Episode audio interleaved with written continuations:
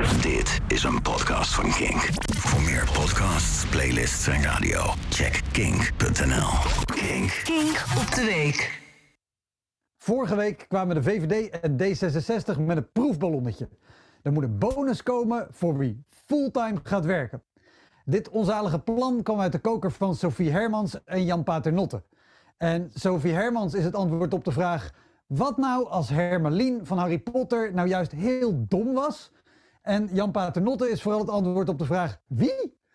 Omdat er een grote vraag is naar arbeidskrachten, willen zij dat minder mensen parttime gaan werken. Als je nu parttimer bent en je gaat fulltime werken, dan zou je elk kwartaal een bonus van 5% moeten krijgen. Dat zit zo.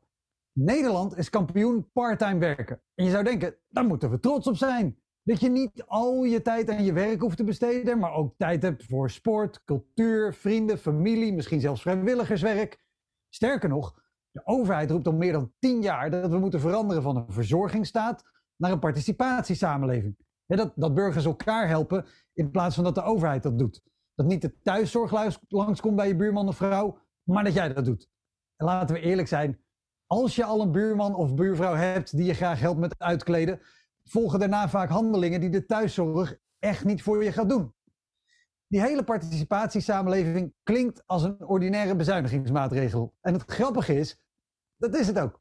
Maar ja, nu hebben we een samenleving waarin mensen part-time werken, zodat ze kunnen zorgen voor hun kinderen, hun ouderen, hun familie, hun bibliotheek, theater, concertzaal, kinderboerderij en hun sportclub. En nou is het weer niet goed.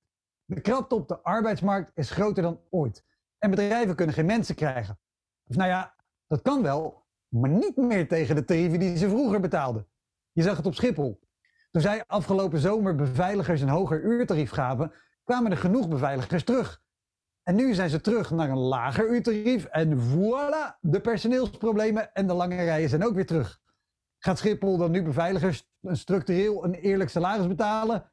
nee, natuurlijk niet. Ze geven vliegtuigmaatschappijen een bonus van 350 euro per passagier die ze annuleren. Ja, je zou denken dat er een grapje komt, maar nee, ik ben vooral boos. Ja. Sectoren waarin veel mensen parttime werken zijn de zorg en het onderwijs. En waar ik mensen zeg, bedoel ik vrouwen. En ik zeg het maar even voor de FVD'ers en de SGP'ers. Vrouwen zijn ook mensen. De werkdruk in die sectoren is al torenhoog. In de zorg kan een parttime baan dankzij gebroken diensten al snel neerkomen op een fulltime baan. En in het onderwijs werkt bijna elke leerkracht meer uren dan waar die op papier voor wordt betaald. Toch geloven VVD en D66 dat het probleem komt door de, werknemer, door, de uh, door de werknemers en niet door de werkgevers of het systeem. Maar het probleem is juist dat meer werken niet loont.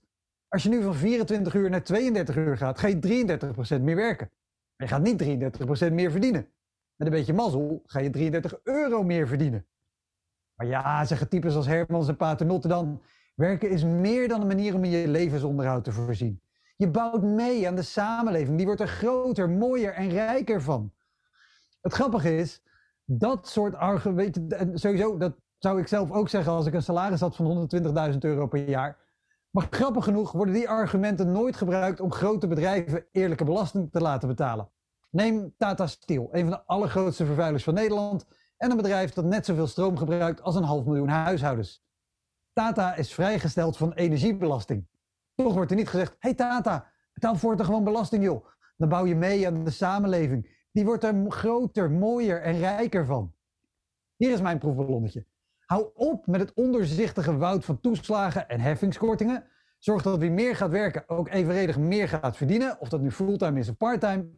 Want na decennia marktwerking ten koste van medewerkers is het nu andersom. De vraag naar arbeid is hoog en het aanbod is klein. Dus tijd om te betalen werkgevers of om het in termen te houden die Sophie Hermans begrijpt, betalers maximaal. Dit was een podcast van Kink. Voor meer podcasts, playlists en radio, check kink.nl.